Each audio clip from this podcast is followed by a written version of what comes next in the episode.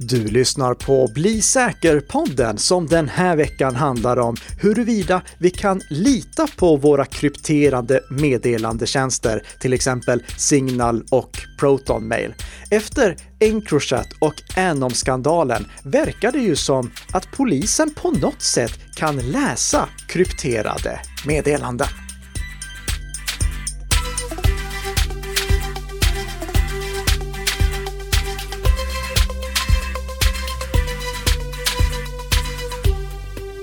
Ja, god morgon, god morgon säger jag till Tess Hamark och glad midsommar säger jag till alla våra fantastiska lyssnare.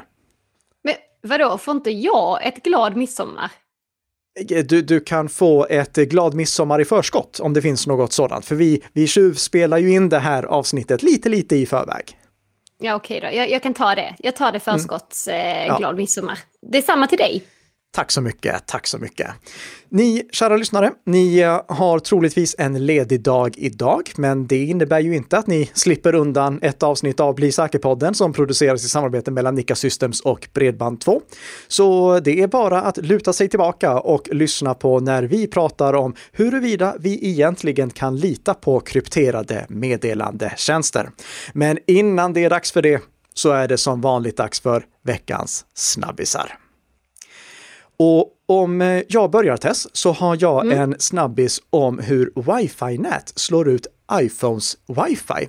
Någonting som inte är skadligt men som är irriterande.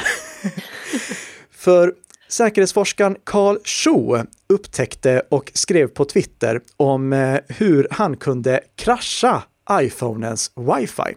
Och det gjorde han genom att eh, namnge sitt wifi-nät procent %p procent %s, procent %s, procent %s, procent %s, procent %n. Va? När, ja, när han anslöt till det wifi-nätet, då kraschade iPhones wifi. Och om han startade om mobilen, då hjälpte inte det. Och om han försökte slå på wifi manuellt, då hjälpte inte det. Så det var liksom helt dött på wifi-fronten. Hur funkar det?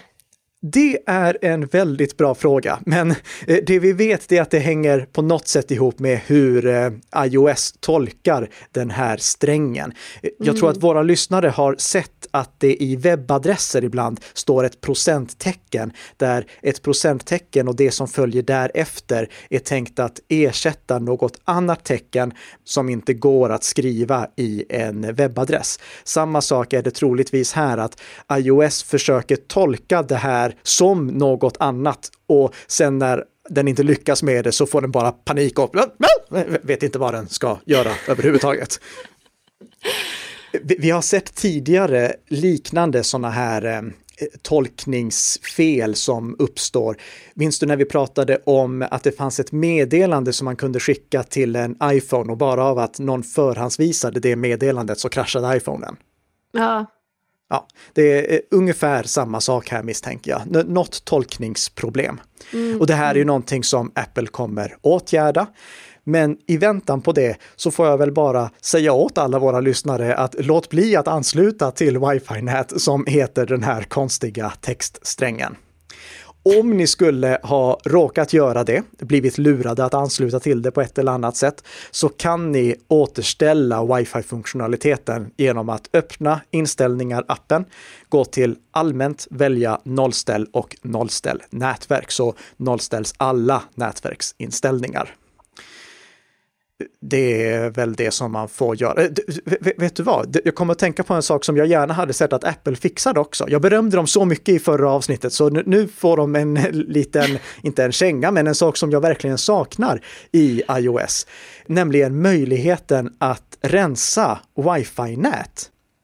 Den finns inte i iOS. Alltså, och jag kan inte som i Android få upp en lista över sparade nätverk och plocka bort dem som jag inte vill att min mobiltelefon ska ansluta till. Utan om jag vill ta bort ett wifi-nät, då måste jag vara i dess närhet för att kunna klicka på information och sen välja att glömma det. Ja, liksom, just det. Det, nu är vi snart framme vid iOS 15 och i betaversionen av iOS 15 så saknas fortfarande den här väldigt basala funktionen som borde finnas i ett operativsystem när man är framme vid version 15. Eh, har man en Mac och synkar allt mellan macken och iPhonen, då kan man rensa wifi-nät från macken. Men om man inte har det, vilket många säkert saknar, mm. då är det lite värre. Eh, så eh, Apple, se till att fixa det här nu. Vi vill ha en sådan lista. Men vad kan våra lyssnare göra? Ja, det är egentligen bara låta bli att ansluta till sådana wifi-nät. Och jag säger det framförallt nu i och med att det är dags för semester snart. Och jag vet att på utlandssemester, då är det många som ansluter till publika wifi-nät. Och då kan det hända att någon eh, försöker göra ett litet prank med en eller annan person och eh, slå sönder hans eller hennes wifi-funktionalitet. Mm. Bra jag, jag, tror faktiskt att det är dags för oss också att revidera en rekommendation. Jaha? Ja, för nu är det ju tredje året som vi pratar om vad man ska tänka på inför semestern. Bara så här i förbifarten så tror jag att det är dags att revidera den här rekommendationen om att aldrig ansluta till publika wifi-nät. För det, det, har jag ju tjatat om många gånger tidigare, att eh, undvika att ansluta till publika mm. wifi-nät. Och alltså jag rekommenderar fortfarande inte att man gör det. Men det är inte lika allvarligt längre, det är inte ett lika stort problem längre. För så som vi har pratat om i flera tidigare avsnitt så är det ju nu en så stor del av trafiken på webben och internet som är krypterad det, det, är ju numera väldigt ovanligt att vi ansluter till webbplatser som inte har ett hänglås i adressfältet. Efter mm. att vi fick Let's Encrypt och efter att Google började eh, shamea, eh, i brist på svenskt ord, webbplatser som inte stöder säkra anslutningar, så har vi säkra anslutningar till nästan allting vi använder idag. Och det gör att risken att vi läcker data på publika wifi-nät eller att vi får känslig information avlyssnad på publika wifi-nät eller att vi får anslutningar kapade utan att vi märker det på publika wifi-nät. Den börjar nu vara mycket, mycket lägre än den var tidigare. Så jag skulle väl säga som så här. Undvik att ansluta till publika wifi-nät om möjligt. Använd mycket hellre mobilens eh, mobiluppkoppling än att ansluta till ett publikt wifi-nät. Om du vill ansluta till ett publikt wifi-nät, använd gärna VPN då, eftersom även om den känsliga datan som vi överför är krypterad, att det finns ett hänglås i adressfältet och det som vi skickar till och från den webbplatsen då är krypterat, så finns det fortfarande saker som går okrypterat. Jag tänker framförallt mm. på DNS-uppslagen. Eh, det går fortfarande att se vilka webbplatser som någon ansluter till på ett publikt wifi-nät. Om man inte skyddar sig med DOH, som vi har pratat om i många tidigare avsnitt och jag lägger med en länk till ett lämpligt avsnitt att eh, lyssna på om man vill veta mer om det. Men eh, kort och gott, använd helst VPN. Men om valet och kvalet står mellan att använda ett eh, internetscafé-dator eller att koppla upp mobilen till ett publikt wifi-nät. Mm. Då skulle jag hellre koppla upp mobilen till ett publikt wifi-nät.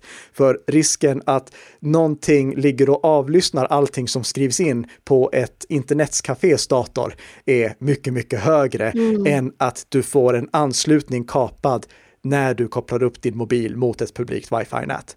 Det som är viktigt att tänka på då bara, framförallt om man inte har en VPN, det är att aldrig förbise någon av de varningar som dyker upp. Om det kommer en varning där det står att den här anslutningen är inte säker, respektera den varningen och gå inte förbi den. Nej. Härligt, Nicka. Är det jag nu? Okej, i söndags så klockan 23.32 så fick jag ett spännande sms från Putin via LTNBD, det vill säga från länstrafiken Norrbottens sms-tjänst. Ah, och i sms... Det, det, det, är klart, alltså Putin han kommunicerar alltid via länstrafiken i Norrbottens ja! sms-tjänst. Absolut, inga konstigheter alls. Och denna gången då så skrev han Privet! Detta är Vladimir Putin. Jag och mina ryska hackare har hackat detta sms-system. FRA var på er vakt för snart hackar vi militären också. Under måndagen så skrev länstrafiken följande på sin webbplats. Sent igår kväll användes länstrafikens sms-tjänst för att skicka ut ett felaktigt meddelande. Sms-tjänsten stängdes ned klockan 23.45. Det är ett konto som har fått sitt eh, lösenord knäckt. Inga personuppgifter har kommit över. Och just nu så kommer inga trafikstörningar att skickas ut. Till eh, SVT så har eh, länstrafiken i Norrbottens VD Mats Aspemo förklarat att citat, det är någon utifrån som har lyckats knäcka en anställds användarnamn och lösenord. Nu har vi stängt hela den servern och flyttat över all information till en ny. Slutcitat.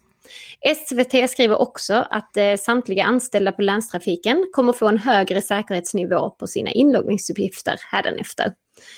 Och jag bara känner här, alltså vikten av säkerhetsmedvetna medarbetare blir ju så otroligt påtagligt. Mm. Och att man som medarbetare måste börja se sig själv som en del av ja, men någon så här säkerhetskedja på sin arbetsplats. Absolut. Det är en väldigt viktig läxa att ta med. Jag skulle vilja ge med en läxa till. Alltså det, mm. dels det där är jättebra för medarbetare att tänka på, att, alltså vilka otroliga konsekvenser det kan få ifall man väljer ett svagt lösenord eller återanvänder ett lösenord. Men jag skulle också vilja säga till den som eh, upphandlar en sån här sms-tjänst eller för den delen en sociala medietjänst. Mm. Eh, alltså någonstans där medarbetare kan skicka ut information via sociala medier. Tänk på att ett lösenord är inte adekvat säkerhetsnivå för inloggning till en sådan tjänst. Det krävs åtminstone tvåfaktorsautentisering alltså lösenord mm. i kombination med mm. till exempel en sexsiffrig engångskod, för att skydda inloggningar dit. Det är för riskabelt att skydda den med bara ett lösenord. Så se till att inloggning med tvåfaktorsautentisering är obligatoriskt för alla medarbetare där. Eller att inloggningarna går via någon single sign-on-tjänst eller någonting sånt. Men i alla fall att det inte är bara ett ensamt lösenord som är det som krävs av läckor för att någon annan ska kunna logga in och skicka ut meddelanden via sms eller via mail eller via sociala medier. Om mm. den sms-tjänsten eller nyhetsbrevstjänsten eller sociala medieplattformssamlaren som företaget använder inte har stöd för tvåfaktorsautentisering, byt till ett bättre alternativ. Absolut. Bra där. Ja. Och med det sagt, är det dags för veckans huvudämne. Det tycker jag. Och nu så ska vi reda ut huruvida vi egentligen kan lita på de krypterade meddelandetjänster som vi har rekommenderat i tidigare avsnitt. Och vi kommer då framför allt att prata om eh, Signal och eh, Proton Mail. Men det här gäller även andra end-to-end krypterade meddelandetjänster. Och bara för att snabbt summera end-to-end kryptering, det innebär alltså att ingen utomstående part kan ta del av vad som skrivs. När du skickar någonting via signal, då är meddelandet krypterat från att det lämnar din mobiltelefon tills det når mottagarens mobiltelefon. Det här ska då jämföras med till exempel Facebook Messenger, där Facebook i de vanliga konversationerna har möjlighet att se vad som skrivs. Det är inte det att det är okrypterat när du använder Facebook Messenger. När du använder Facebook Messenger är det fortfarande krypterat mot utomstående parter som inte har någonting med saken att göra. Mm. Lite som det, det jag pratade om med publika wifi-nät här. Det är inte så att någon som sitter på ett publikt wifi-nät kan se vad du skriver på Facebook Messenger, för det är krypterat till Facebook. Men det är inte krypterat hela vägen till mottagaren, utan Facebook är där en del i själva kommunikationsflödet. Mm. Men med Signal och med ProtonMail som använder den säkra e-poststandarden PGP så är det krypterat hela vägen så att ingen utomstående och inte ens de som driver meddelandetjänsten kan läsa vad som skrivs. Men under det gångna året, då har vi läst flera exempel där polisen meddelar att de har lyckats sätta dit massvis av brottslingar genom att avlyssna krypterade meddelandetjänster. Och då måste vi ju fundera över ifall polisen har möjlighet att avlyssna krypterade meddelandetjänster, finns det risk att andra har möjlighet att göra det också? Mm. Ja, vi, vi tar två exempel och det, alltså det finns jättemånga exempel, men jag, jag tänkte att vi tar Encrochat och Anom som de två exemplen i den här podden. Encrochat, det var den första sån här rubrikskapande eh, meddelandetjänsten som eh, det skrevs om i början av året. Encrochat, det var en plattform som lät eh, framförallt då kriminella kommunicera men inte uteslutande kriminella ska jag lägga till här också. Det fanns säkert de som använde Encrochat för helt legitima skäl. Men mm. det, det användes av många kriminella för att kommunicera med varandra end-to-end krypterat. Och Encrochat, det var inte bara en meddelandetjänst, utan det var också en, eh, en eh, plattform som krävde dedikerade mobiler för att man skulle kunna använda överhuvudtaget. Alltså det gick inte att installera Encrochat på sin iPhone, utan du var tvungen att ha Encrochats mobil. Jag gick in på deras webbplats som numera är nedplockad men som det finns arkivversioner av. Jag lägger med en länk till arkivversionen av webbplatsen.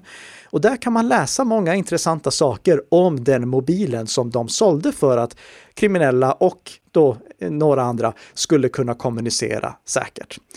Bland de sakerna som de framhäver med den här mobilens säkerhet är att det är ett Dual Booting Operating System. Och det mm. var för att om eh, en polis skulle komma fram och vilja kolla på mobilen så kunde det se ut som en helt vanlig Android-mobil. Men så gick det också att bota om mobilen till det här säkra Encrochat-läget där mobilen bara användes för att kommunicera med andra Encrochat-användare. Aha.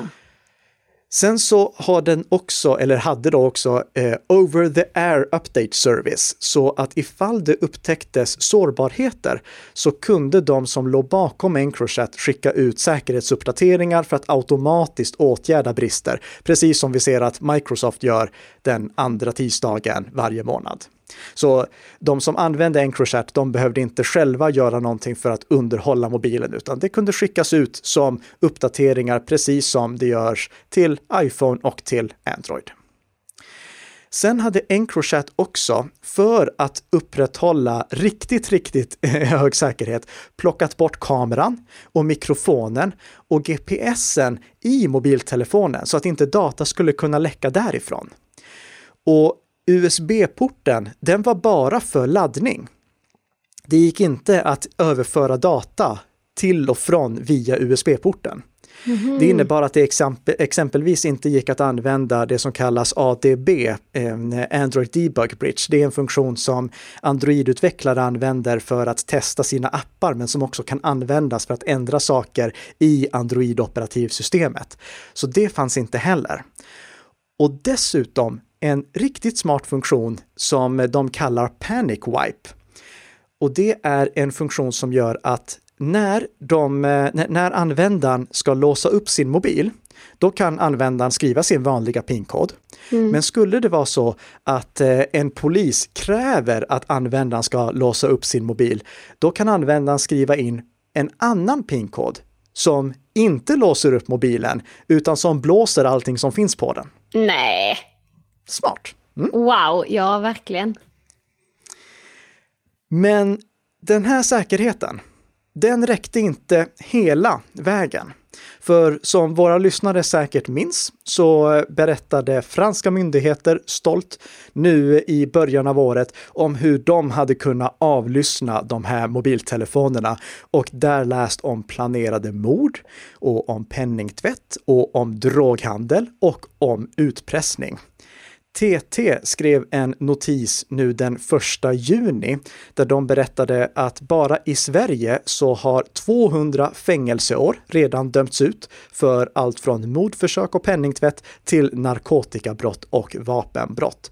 Så det är många i Sverige som får skaka galler för att de franska myndigheterna lyckades läsa den information som utbyttes mellan Encrochat-användare. Men hur lyckades de med det? Ja, det gjorde de inte genom att knäcka krypteringen, utan det gjorde de genom att infektera enheter. Mm. Och när vi pratar om kommunikation så har vi ju alltid flera parter. Om en av parternas mobil är infekterad, då spelar det ingen roll att kommunikationen är end-to-end krypterad, för att den måste ju dekrypteras på enheterna för att det ska gå att läsa vad som skrivs av oss människor. Ja. Exakt hur de infekterade de här enheterna, det vet vi inte, men en eh, det, det, det, som jag skulle säga att är det absolut mest troliga, det var att de lyckades på något sätt göra så att den här uppdateringsfunktionen som var tänkt att användas för att skicka ut säkerhetsuppdateringar till mobilerna i själva verket skickade ut en trojanpreparerad version av operativsystemet. Så att de som fick uppdateringen hade mm. en liten spion inuti mobilen. Jaha, okej. Okay. Enligt en bild som eh, Europol har publicerat så eh, skickade Encrochat ut ett meddelande till alla sina användare när Encrochat visste att spelet var över. Och då skrev de så här, och nu kommer ett citat på engelska. Emergency for Encro users.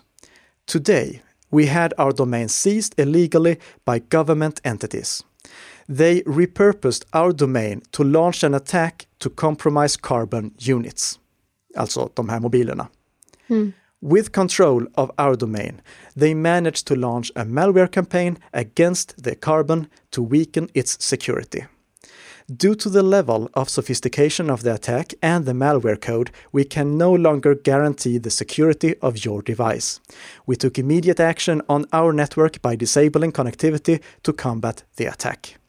You are advised to power off and physically dispose your device immediately. Sen kommer hmm. lite mer information, men det, det var liksom kontentan av det hela. Så de franska myndigheterna, de knäckte inte krypteringen, utan de infekterade enheterna och lyckades därigenom få tillgång till informationen. Mm. Sen har vi nästa exempel. Och det var inte någonting som Encrochat var med på då ju. Det vet vi inte.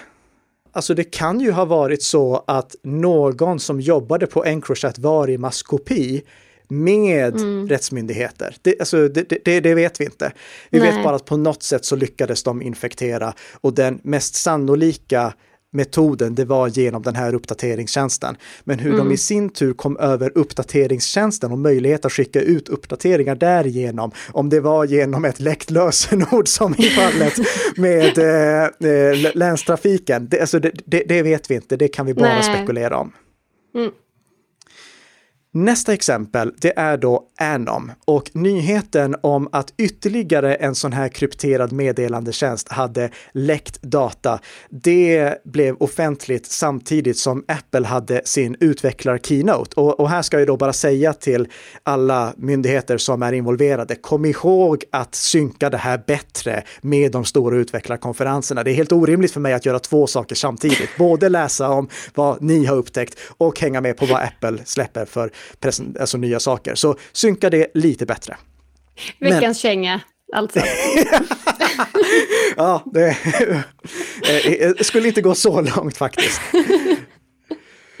Men eh, vad var Anom då? Ja, det var också en mobil och en tillhörande meddelande-app. Eh, jag kollade på en arkivversion av deras webbplats och den var, alltså det var jättesnyggt gjord med 3D-renderingar av hur mobilen såg ut, där de zoomade in på systemkretsen så man såg vilken det var. Det var jätte, jättesnyggt gjort.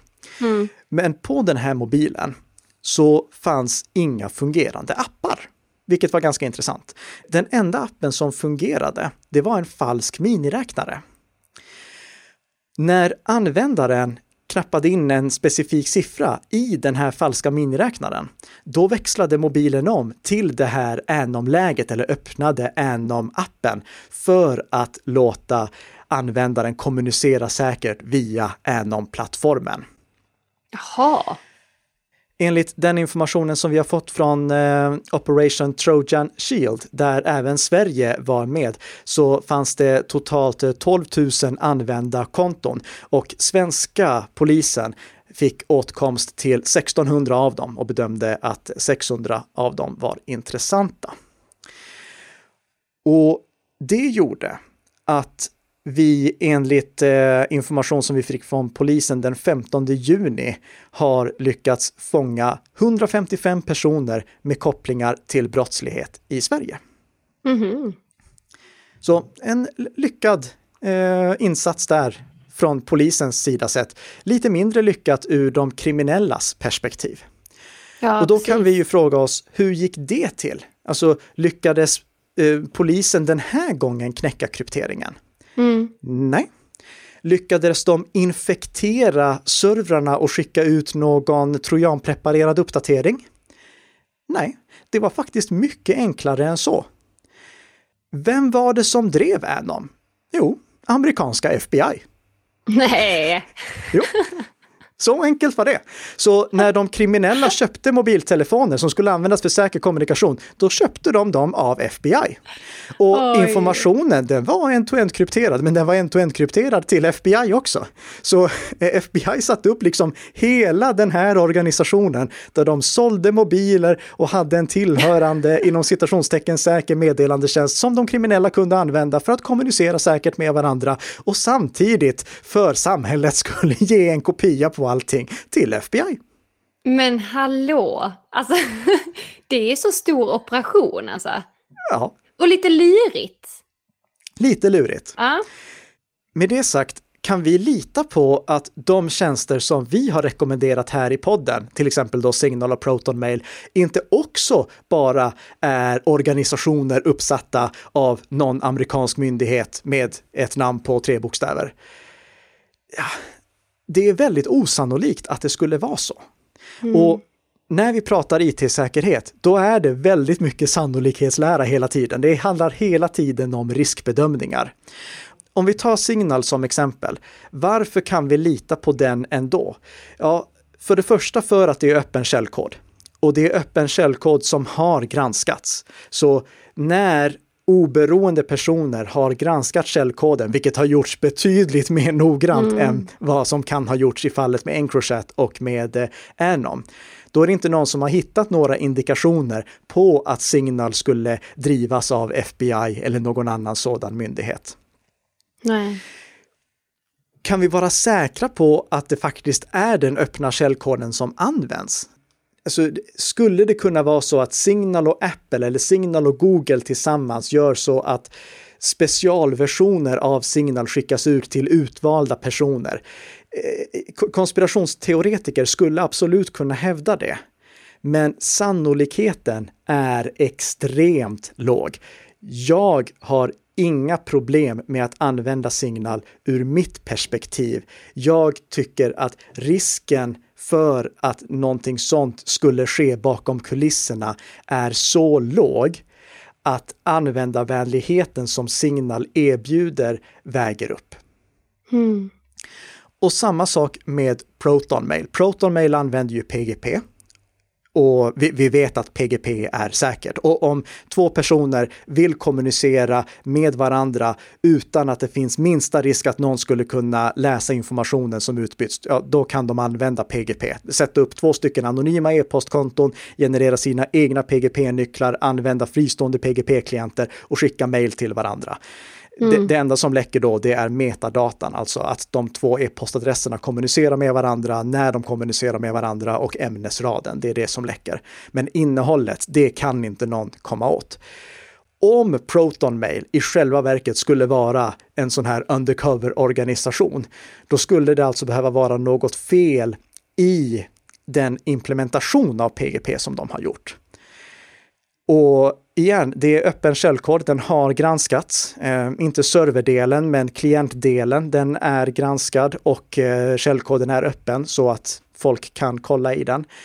Finns det någon möjlighet att eh, Proton Mail i själva verket är en undercover-organisation? Kan du bevisa att det inte är så? Nej, jag kan inte bevisa att det inte är så. Men jag kan inte heller bevisa att Proton Mail i själva verket inte drivs av Jan Guillou. Alltså att det är Jan Guillou som har bestämt sig för att sätta upp hela den här massiva organisationen för att kunna läsa folks mejl och därigenom få inspiration till sin nästa bok. Jag, jag, kan mm. inte bevisa att det inte är så. Nej.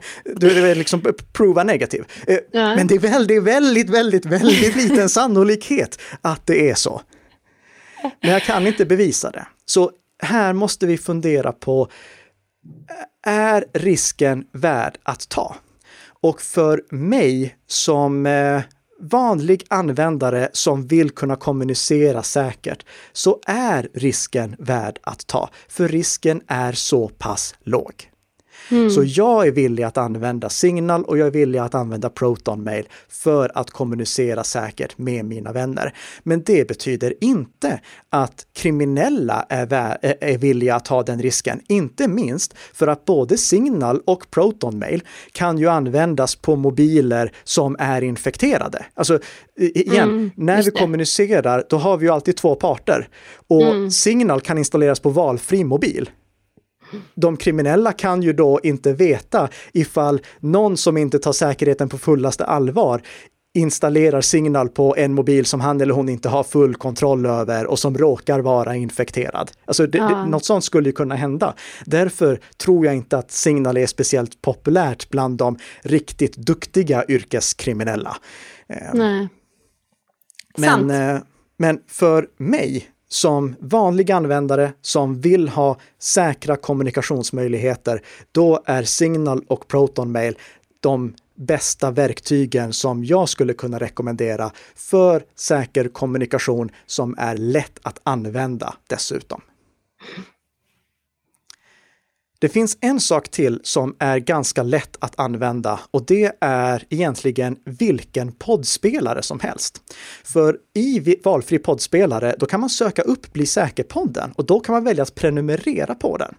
Det som är riktigt häftigt då, det är att i så fall kommer det varje fredag, redan nästa fredag, att automatiskt laddas ner ett nytt avsnitt av Bli säker-podden som gör dig lite säkrare för varje vecka som går. Och det skulle jag självfallet rekommendera våra kära lyssnare att göra. Och med det sagt återstår väl egentligen bara för mig och Tess att säga glad midsommar! Glad midsommar!